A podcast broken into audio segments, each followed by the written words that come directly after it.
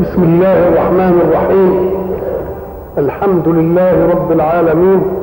والصلاة والسلام على أشرف المرسلين وخاتم النبيين ورحمة الله للعالمين سيدنا محمد وعلى آله وصحبه أجمعين. وبعد فقد وقفنا في اللقاء السابق عند بعض خواطرنا حول قول الله سبحانه أعوذ بالله من الشيطان الرجيم. وإذا حييتم بتحية فحيوا بأحسن منها أو ردوها. وقلنا أن حييتم وتحية وحيوا كلها مشتقات من كلمة الحياة. وكلمة الحياة تعني أمرا له ظاهر متفق عليه وهو الحس والحركة فينا وفي الحيوان. ولكننا لو تعمقنا في معناها وجدنا أن لكل كائن في الوجود حياة تناسبه. وحياة فيها الحس والحركة بس ليست عندنا المقاييس التي نستطيع أن ندرك بها حسه وحركته ولذلك وضحوها لنا في الأنبوبة الزجاجية اللي فيها برادة الحديد فساعة تمر عليها القضيب الممغناطس بتميل معنى تميل أنها أحست بالمغناطة وتحركت رؤوسها إلى جانب يعني موجبها إلى جانب وسالبها إلى جانب إيه؟ يبقى في حس وفي حركة وأنت حتى لو نظرت إلى الصناعات التي نصنعها. هات مثلا البلاستيك ده اللي بنعمل منه اواني ومش عارف إيه تلتفت تلاقيه. أول ما يجي يبقى نضر وزاهي وشكله حلو وبعدين تقعد تستعمله مدة كده طويلة وبعدين تلاقي شكله تعرف تبص له. ليه؟ إيه اللي حصل فيه؟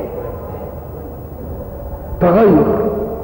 إيه اللي غيره عن الأول؟ يقول لك بقى الاستعمال والأشعة الشمس ومش عارف إيه. الله إذا في حس. وتأثر ثم تغير يبقى في حس وفي حركة. إيش اللي حصل؟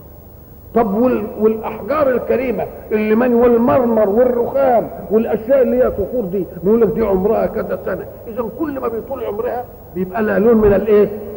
لون من الحياة والتفاعلات والعمليات اللي كل دي. انت لو مسكت ورقة مثلا وحطيتها تحت المجر تشوف الغرف اللي في الورقة دي قد إيه.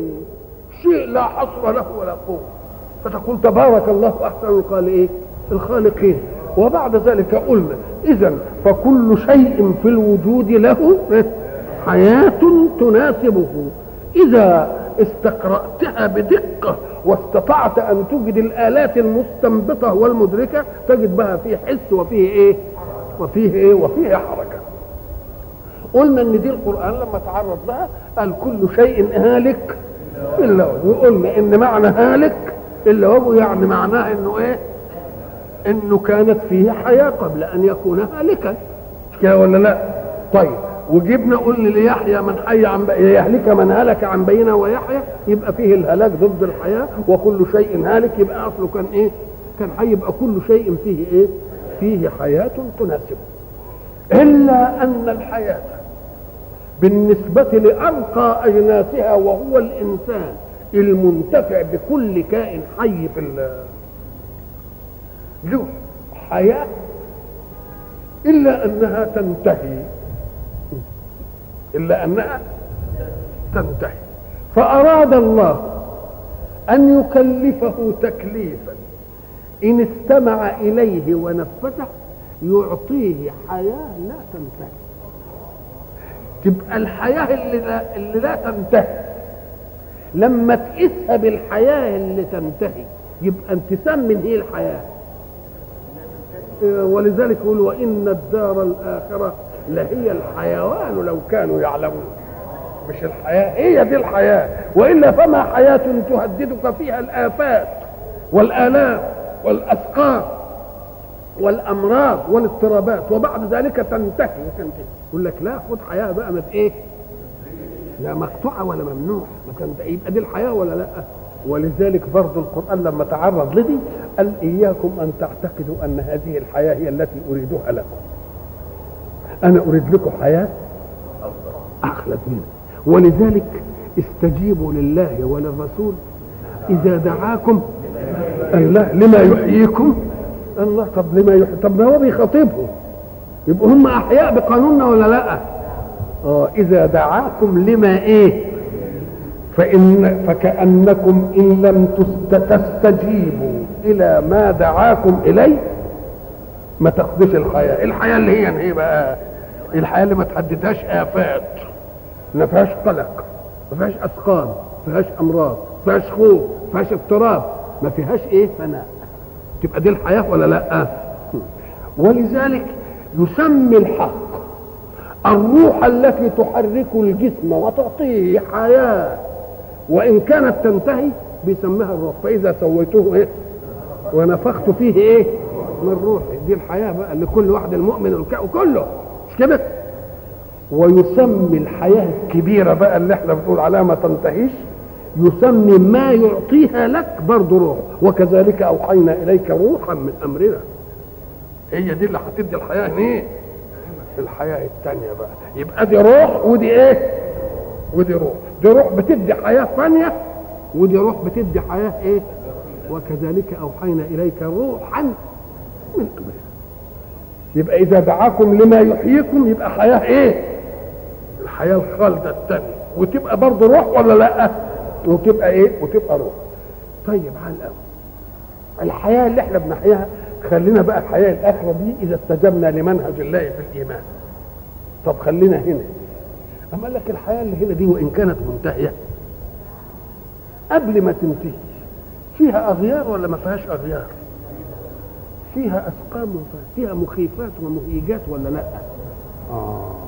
فكأن الإنسان إذا جاء له من يطمئنه ومن ينفي عنه القلق والخوف يبقى كأنه بيحسن حياته ولا لأ؟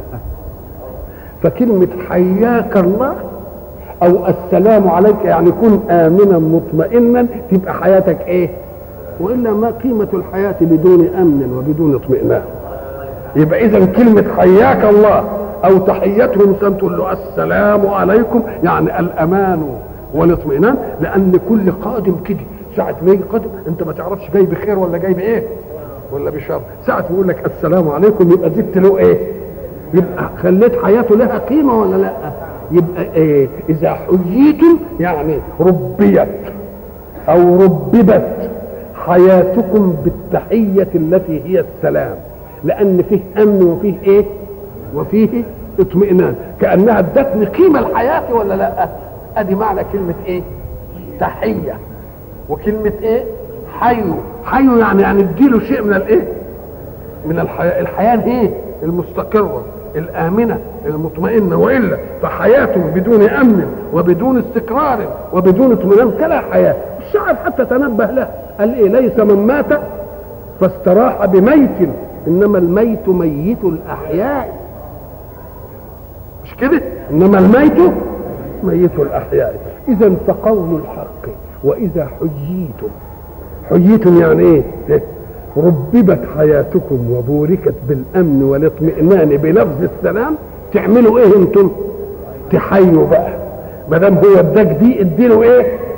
اديله دي وزيادة. فحيوا بأحسن منها أو إيه؟ أو ردوها. العلماء لما جم يتكلموا قرروا المسألة على تحيات اللقاء. من قال لك السلام عليكم فقل وعليكم السلام وزود ورحمة الله. ما هو أحسن منها بقى. فإن قال السلام عليكم ورحمة الله فقل السلام عليكم ورحمة الله وبركاته. كده؟ النبي عليه الصلاة والسلام قال له واحد السلام عليكم فقال له وعليكم السلام ورحمة الله. واحد قال له السلام عليكم ورحمة الله قال له إيه؟ وبركاته. ام جه واحد قال له السلام عليكم ورحمة الله. وبركاته يا رسول الله. ام قال له وعليكم السلام ورحمة الله وبركاته. قال لي اشمعنى زدت إخواني؟ وما زدتنيش. قالوا لم تدع لي زيادة. انت قلت لم تدع لي إيه؟ لم تدع لي إيه؟ لم تدع لي زيادة. وأما جاء بعد الناس ام قال لك طب ما تقول ومغفرته مثلا إيه إيه المعنى؟ علشان إيه تعطي من بدأك بالسلام أن عمله الخير يأتي له بخير أكثر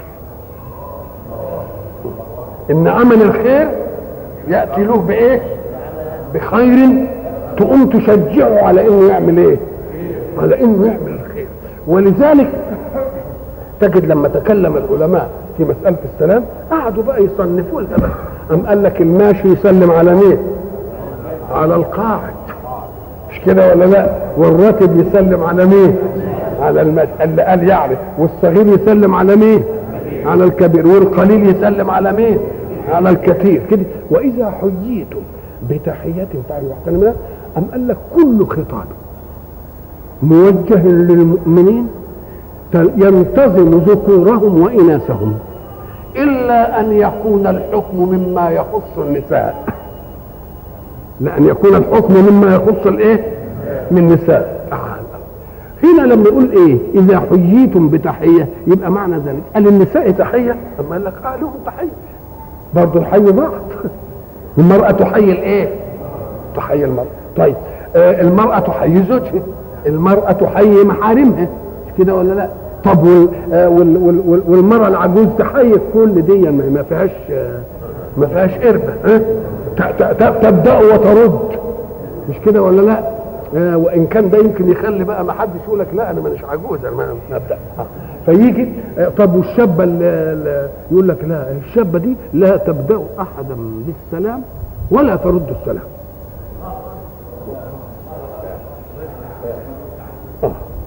لا تبدأ بالسلام إلا إذا كان معها مثلها. لأنه يقول لك المرأة على المرأة عين أكثر من ألف رجل. يعني المرأة تحرس المرأة أكثر؟ آه. ولذلك لما تكون معاها واحدة زيها هي دي كفاية يعني ما يحصلش. ولذلك يقول لك إيه؟ إذا بدأت بالسلام أو ردت السلام يبقى حرام. وإذا بدأها واحد بالسلام أو رد عليها السلام يبقى مكروه. الله. طب اشمعنى بقى إيه الحكاية دي؟ ليه؟ اشمعنى هي لما تبدأ أو ترد يبقى حرام واشمعنى هو قال لك لا؟ لأن بداها له إيه؟ آه هي اللي يعني. آه لكن هو لما يبدأ مش ضروري يعني تكون هي مستجيبة أو إنما هي لما تبدأ تبقى إيه؟ قال لك دي يحرم عليها. فإن كان معها حد أو جماعة يؤمن يبقى ما فيش إيه؟ حتى إنهم جابوا من المسائل في الأحوط. أم قال لك طب افرض إن واحد خنثي إيه؟ أم قال لك الخنثى مع الرجل اعتبروا امرأة. والخنثى مع المرأة يعتبره شوف الاحتياط قد إيه. الخنثى مع الرجل إيه. تعتبر امرأة. والخنثى مع المرأة يعتبر إيه.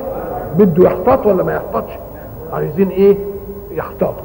فلما وضعوا السلام بهذا الشكل قال لك فإذا كان مش مؤمن أم قال لك النبي عليه الصلاة والسلام قال هم يقعدوا يلوا في الكلام فإذا قالوا لكم السلام قولوا وعليكم.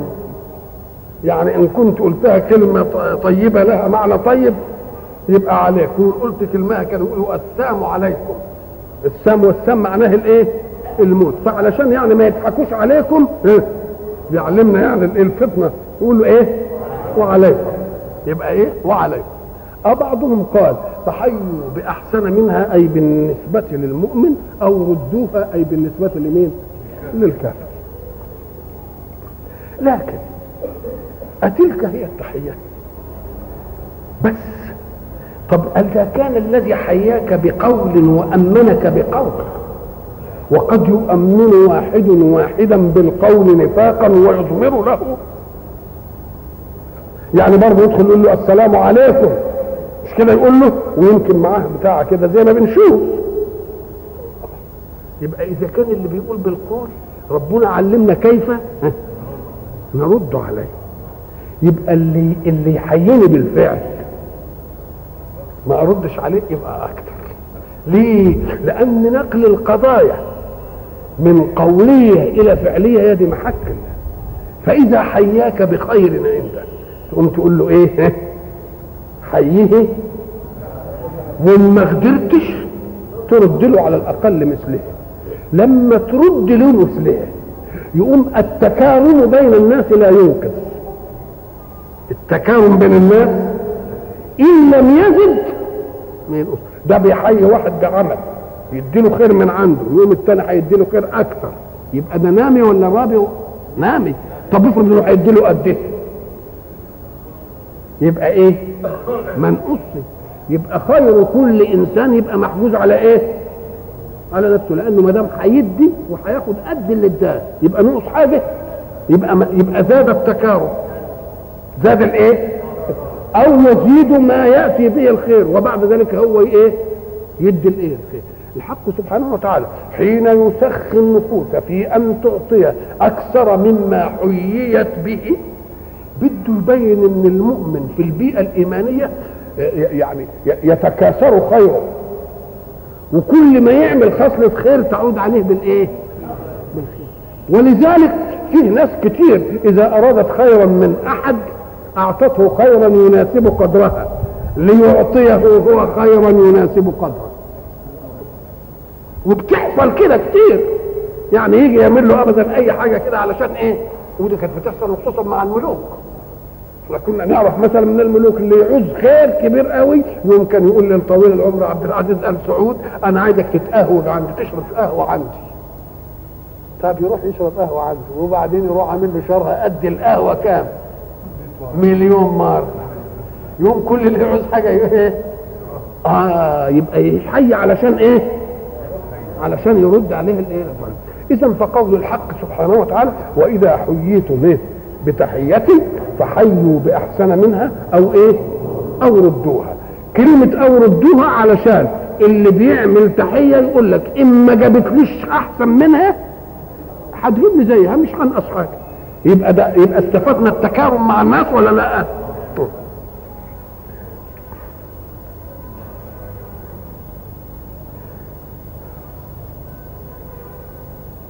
إن الله كان على كل شيء حسيبا.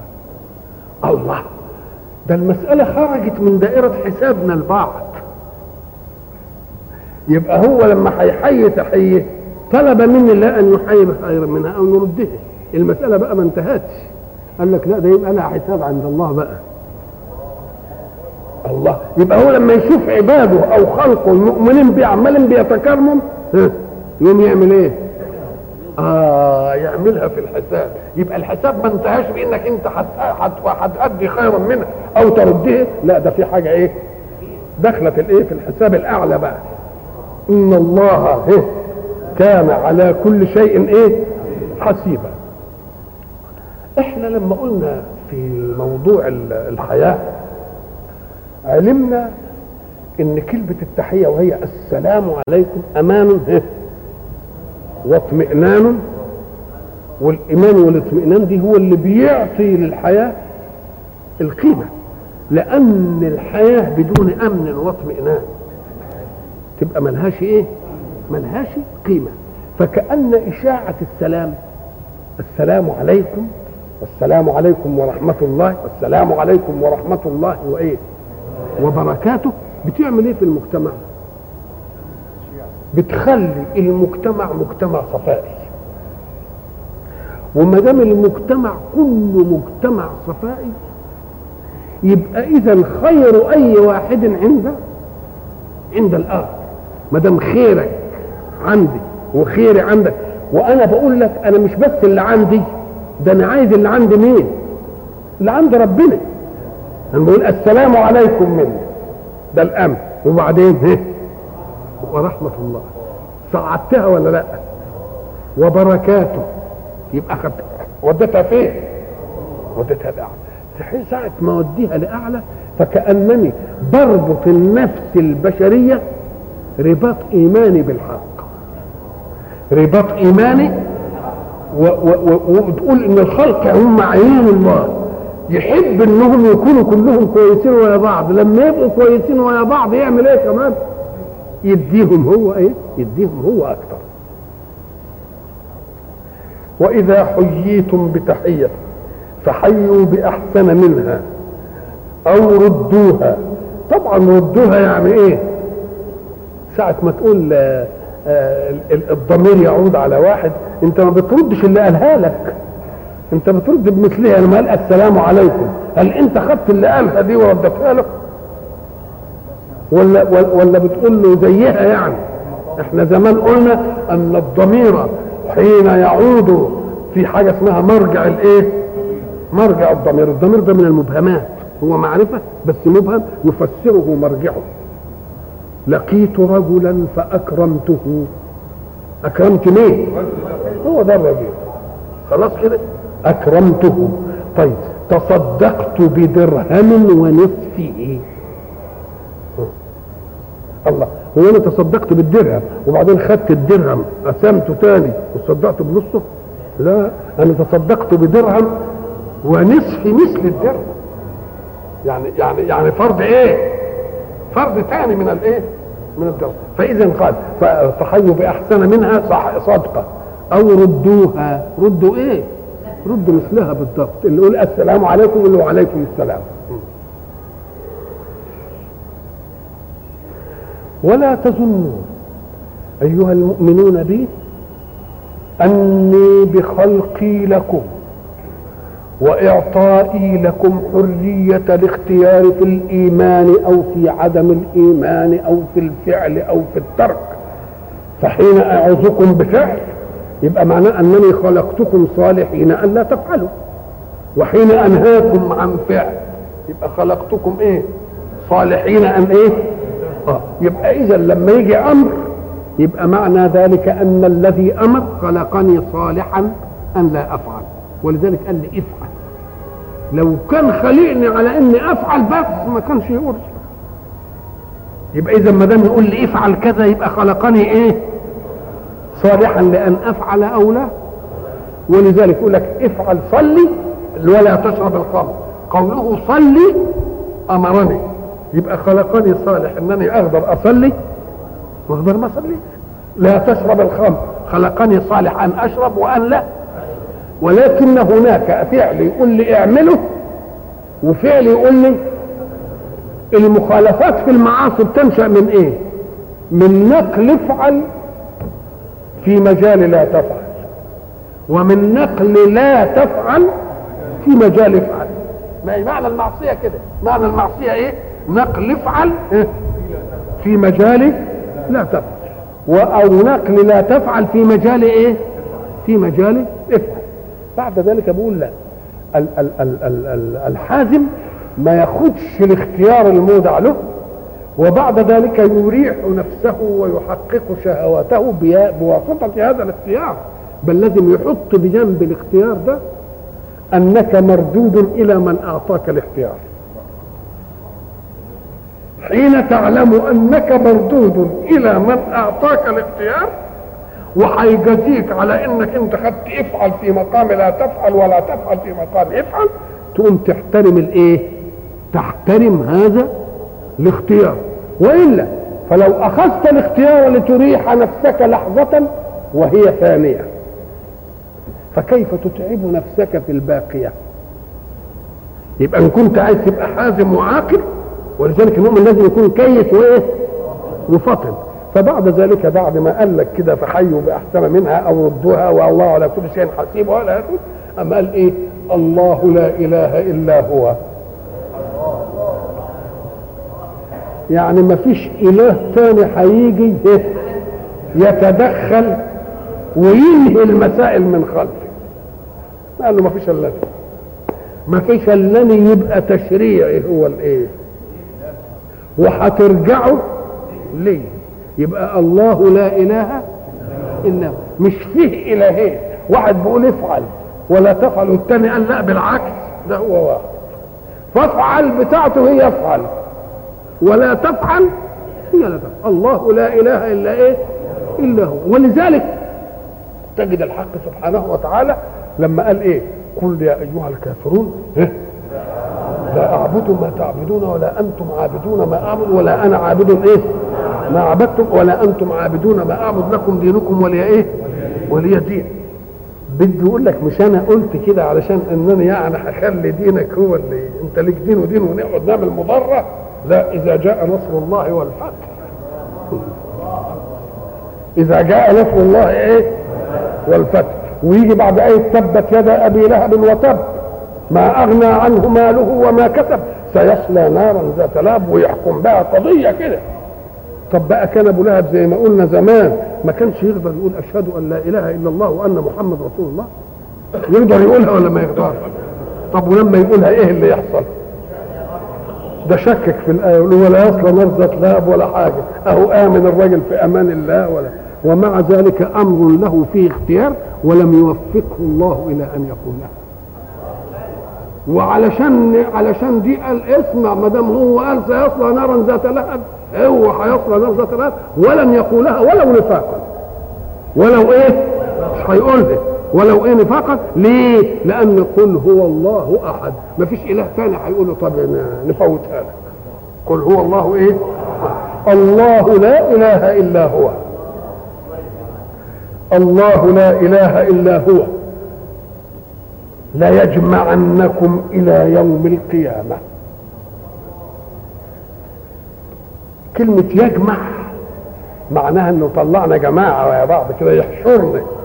ففيه لا يجمع إلى يعني يحشرنا إلى يوم القيامة أو إلى جزاء يوم القيامة أو إلى تلقي جزاء يوم القيامة. ودي ليه جاء ليه عشان إيه؟ قال لك بيقول لك العاقل لا يأخذ انفلات نفسه من منهج الله إلا بملاحظة الجزاء على الانفلات من المنهج. وإلا لو خد نفسه منفلت عن منهج الله بدون أن يقدر الجزاء عليها يبقى ده أحمق ولا مش أحمق؟ ولذلك قلنا إن الذين يسرفون على أنفسهم في المعصية لا يستحضرون أمام عيونهم الجزاء على المعصية. لأنه لو استحضر الجزاء على المعصية ما يعملهاش ولذلك يقول لك كل الجرائم في غفلة عن الجزاء. كل واحد بيجرم مقدر السلامة. اللي رايح يسرق مقدر الايه؟ السلام واللي بيقتل مقدر إيه؟ السلام لكن لو حط في ذهنه إنه يمكن ينحكم ما يعملهاش ابدا. ابدا. يبقى بيقول إياك يا من تريد أن تنحرف بمنهج الاختيار الذي أعطيته لك تنحرف عن منهجي إياك ألا تقدر الجزاء على هذه المخالفه وخدها قضية كده شوف دي هتديك نفع قد إيه وتديك شقاء قد إيه وحطهم أمام إيه؟ أمام أمام بعض. فاللي يديك الخير الأبقى اعمله واللي ما يديكش الخير الأبقى ابعد عنه. الله لا إله إلا هو. لا يجمعنكم لا يجمعنكم إلى يوم القيامة. يوم القيامة اللي هي يوم يقوم الناس لرب الإيه؟ العالم ليش اشمعنى يوم القيامة؟ لأن أصل آخر مظهر من مظاهر دنيا الناس أنهم حين يموتون ها ينامون. اللي بنشوفه كده إن هو بعد ما مات كده نام وبعد ذلك دخلناه في الإيه؟ القبر. ما نعرفش إيه. أم قال لك النوم ده يبقى فيه إيه؟ يجيبوا القيام يوم يقوم الناس لايه لرب العالمين. ليوم القيامة لا ريب فيه. يعني يجب أن يكون يوم القيامة عندك لا شك فيه. ليه؟ أم قال لك لأنك أنت لو قدرت أن العالم الذي خلقه الله مختارا. يعني إن شاء فعل الخير وإن شاء فعل الشر. وسيزوده بالمنهج. ولكن ترك له اختيار. ساعة ما ترك اللي اللي اللي يجعلك مختار يبقى هو اللي عامل كل حاجة. اللي يطلب من جنيه ويقول له انزل السوق وأنا اديتك الحرية في إنك أنت تشتري به أي حاجة. لكن لاحظ أنك لو اشتريت شيئا نافعا سأكافئك بكذا وكذا وكذا. وإن اشتريت كوتشينة ولا بتاع ولا حاجات من الحاجات دي الله. يبقى هو ساعة اداله القوة الشرائيه وقال له انزل به يبقى لما يروح يشتري كوتشينة اشترى كوتشينة غصب عن عن أبوه. ده هو اللي اداله باختيار. بس فعل غير محبوب لأبيه. شوف الفرق. فعل غير محبوب لأبيه. وإلا لو أراد الله الناس جميعا لجعلهم كالملائكة. ولا واحد يستجر يعمل معصية.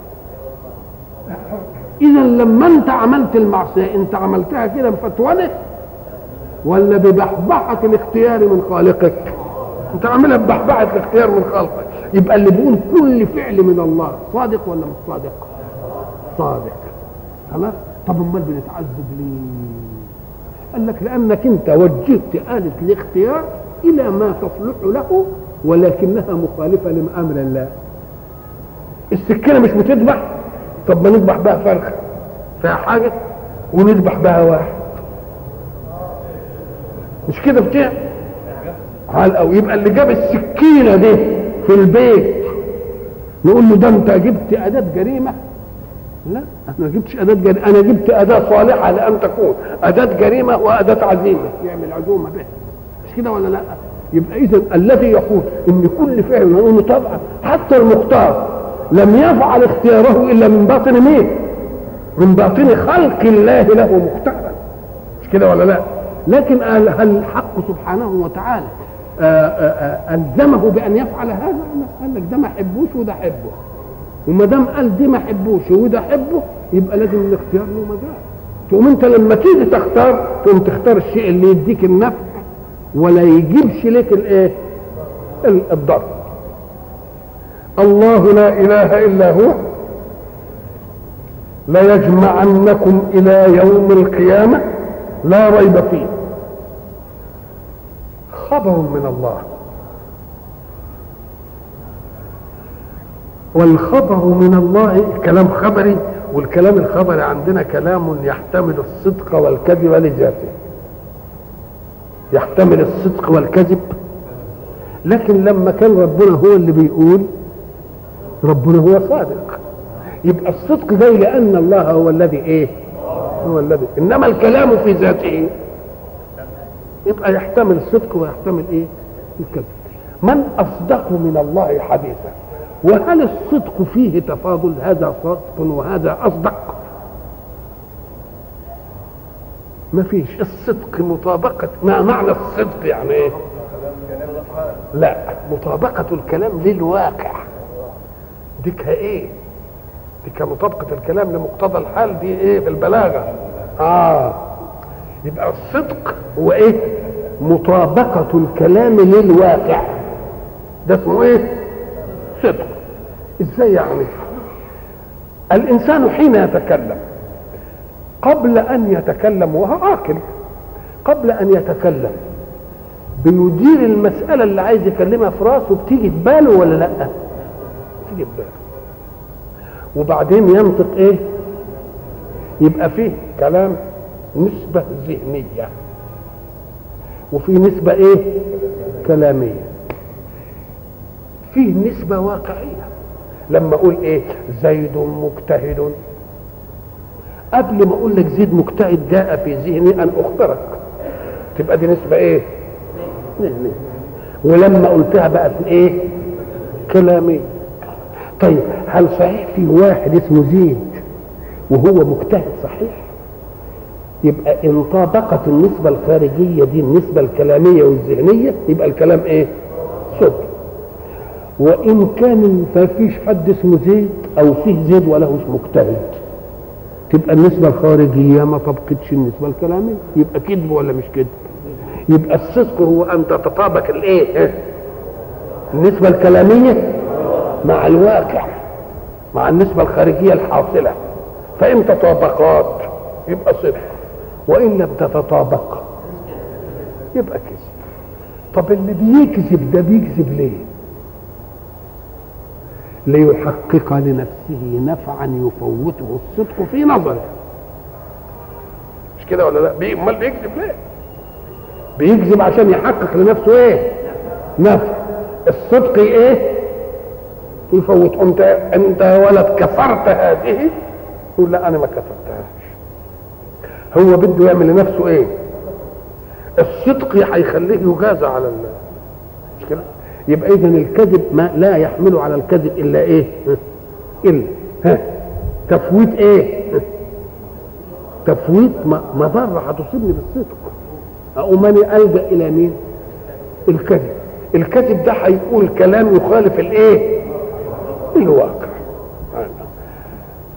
ما دام ده هيخالف به الواقع يبقى بده يحقق لنفسه نفع أو يدفع عنه ضرر. الذي ينفعه أقوى منه أو غير أقوى. والذي يضره ما دام خايف. آه يفوت عليا نفع ويجيب لي ضرر. يبقى في إيه؟ اللي يعمل لي نفع ويعمل لي ضرر. طب بالنسبة لله بقى. آه. لا يوجد هذا. يبقى إذا إذا قال الله فهو صادق لأن أسباب غير الصدق ما توجدش عنه. أسباب غير الصدق وإذا كان الحق يعطينا الكلام اللي يدينا واقع الحياة ويعطينا الكلام اللي هو مش داخل في واقع حياتنا الغيبيات كلها. يبقى بيكلمنا كتير ولا لأ؟ يبقى إذا كلمة ومن أصدق من الله حديثا أفعل التفضيل هنا مش جاي علشان الخلاف في إن كلام صادق وكلام أصدق. لا ده لأنه كلام كتير. لأنه إيه؟ يبقى بقى التكسير جاي من ناحية إيه؟ من ناحية كثرة الكلام مش من ناحية إن فيه صادق وفيه إيه؟ في أصدق. قال لك وقد يوجد التفاوت في الصدق أيضا. إزاي يوجد التفاوت في الصدق؟ أم قال لك افرض إن واحد شاف حادثة فذكر ان ده شفت ده قتله. أيوه أنا شفت ده قتله وشفت الدم. القضية في ذاتها ما انما جه واحد جاب لي إيه؟ تفاصيل. ده قال له كذا وقال له كذا وبعدين ضربه كذا وحصل كذا وبعد كذا. نقوم نقول هل ده اصدق منه؟ لا ده أشمل في الصدق منه. إنما دوكها مش قال قضية واتخلفت لا. القضية اللي قالها صدق ولا مش صدق؟ صدق في إيه؟ صدق في ذاته. بيزود الكلام ده موضوع تاني. يبقى ده أشمل في الإيه؟ أشمل في الصدق يبقى ومن أصدق من الله إيه؟ حديثا. يبقى الحق سبحانه وتعالى الصدق لا تفاوت فيه لأن الصدق مطابقة النسبة الكلامية للإيه؟ للواقع. وما دام مطابقة النسبة الكلاميه للواقع يبقى ما فيش صادق وما فيه إيه؟ أصدق. ولكن الأصدق باعتبار كميه الصدق الصادرة إيه؟ كمية الصدق الصادرة منه وخلقه إن حصل صدق منهم في شيء فقد يحدث إيه؟ كذب منهم في إيه؟ في شيء. وأيضا فلأن الحق سبحانه وتعالى يعلم الأشياء على وفق ما هي. ولكنك قد تقول قضية أنت تعتقد أنها صدق. إنما الواقع مش صدق. الواقع أنت قلت مثلا آه ده فلان الفلاني زاره آه فلان بالأمس. انت اعتقدت كده لأنك انت شفت مثلا الحجرة من هذا قلت مين اللي هنا؟ فواحد نتاش لك كلمة كده وقال لك ده فلان عنده. فانت جيت قلت فلان عنده. على وقت ما تعتقد ولا لأ؟ هل يقال أنك كذبت؟ ولذلك يجب أن نفرق بين شيئين بين الخبر والمخبر. الخبر والمخبر. إزاي؟ إحنا إذا قلنا زيد مجتهد أفيه واحد اسمه زيد ومجتهد صحيح؟ يبقى ده اسمه الإيه؟ الواقع. وهل أنت تعتقد هذا؟ يبقى أنا عايز حاجتين اثنين حاجتين اثنين وجودها واعتقادها. يبقى الخبر صادق والمخبر صادق. مفهوم؟ طب افرض إنك أنت أخبرت إن زيد مجتهد بناء على إن حد قال لك كلمة كده وطلعت كذب. ولكنك انت جيت قلتها لي لاعتقادك انها إيه؟ تبقى أنت صادق على وفق اعتقادك. إنما هل الخبر صادق؟ آه ما هو الصادق يبقى فيه فرق بين صدق الخبر وصدق الإيه؟ المخبر. فإذا التقى الاعتقاد بالواقع يبقى صدق الخبر وصدق الإيه؟ المخبر. وإذا كان موافق للواقع إنما مخالف مخالف للاعتقاد. الجماعة المنافقين مش قالوا إيه؟ إذا جاءك المنافقون إيه؟ قالوا نشهد إيه؟ إنك لرسول الله. طب القضية دي واقعة ولا مش واقعة؟ هو رسول ولا مش رسول؟ طب والله يشهد أن المنافقين لكاذبون طب ده هم قالوا إنك لرسول الله. ثم قالوا كده؟ طب القضية دي من حيث الواقع. صدق ولا مش صدق؟ لكن ربنا سماهم إيه؟ كذابين. لأنهم بيقولوها وهم مش مش إيه؟ مش معتقدين. ولكن هل قال القضية القضية كذب ولا أنتم اللي كذابين؟ آه شوف الدقة بال... آه. الدقة اهي والله يشهد إيه؟ مش الخ... مش الخ... مش الخبر هو اللي كده الخبر صدق وأنت رسول الله. ولذلك يقول والله إيه؟ يشهد إنك لرسوله. مش كده؟ طب ما دام هم قالوا إنك لرسوله والله يشهد إنك لرسوله طب يقول هم كذابين ليه؟ قال لك لأن ده مش مطابق اعتقادهم. إذا فصدق المخبر أن يطابق الكلام اعتقاده. صدق الخبر إنه الخبر في ذاته إيه؟ لأن الله قال والله يشهد إنك لإيه؟ وواحد تاني بقى بده يدخل في المعاني أكثر شو يقول لك؟ لا. وهل التكذيب منصب على قوله إنك لرسول الله؟ ده في قولهم نشهد مش في قولهم في الم... مش في مقول القول. ده في القول نفسه. إذا جاءك المنافقون إيه؟ قالوا قالوا إيه؟ إحنا بنكذبهم في قولهم نشهد لأن الشهادة أن يواطئ اللسان القلب. هم كذابين في الشهادة. إنما المشهود به صح ولا لا؟ يبقى فيه فرق. أما أن تقول إن الفرق ولذلك ده بعض الناس لما يقعد يقرأ القرآن قراءة مش ملكة عربية يوم يقول لك القرآن يا إخوان طب هو بيقول أن الله إذا جاءك المنافقون قالوا نشهد أنك لرسول الله. يبقى هم قالوا إيه؟ إنك لرسول الله. ما هو بده يقول دي. إنك لو طب والله يشهد؟ إنك طب كيف يقول إنهم كاذبون بقى؟ طب ده هو بيشهد زي ما شهدوا هم. هو بيشهد أم قال لك هو بيشهد؟ هو قال إن الخبر كاذب ولا هم اللي كذابين؟ هم اللي أو نقول أن التكذيب منصب لا على قولهم. إنك لرسول الله ولكن على قولهم نشهد إنك لرسول الله.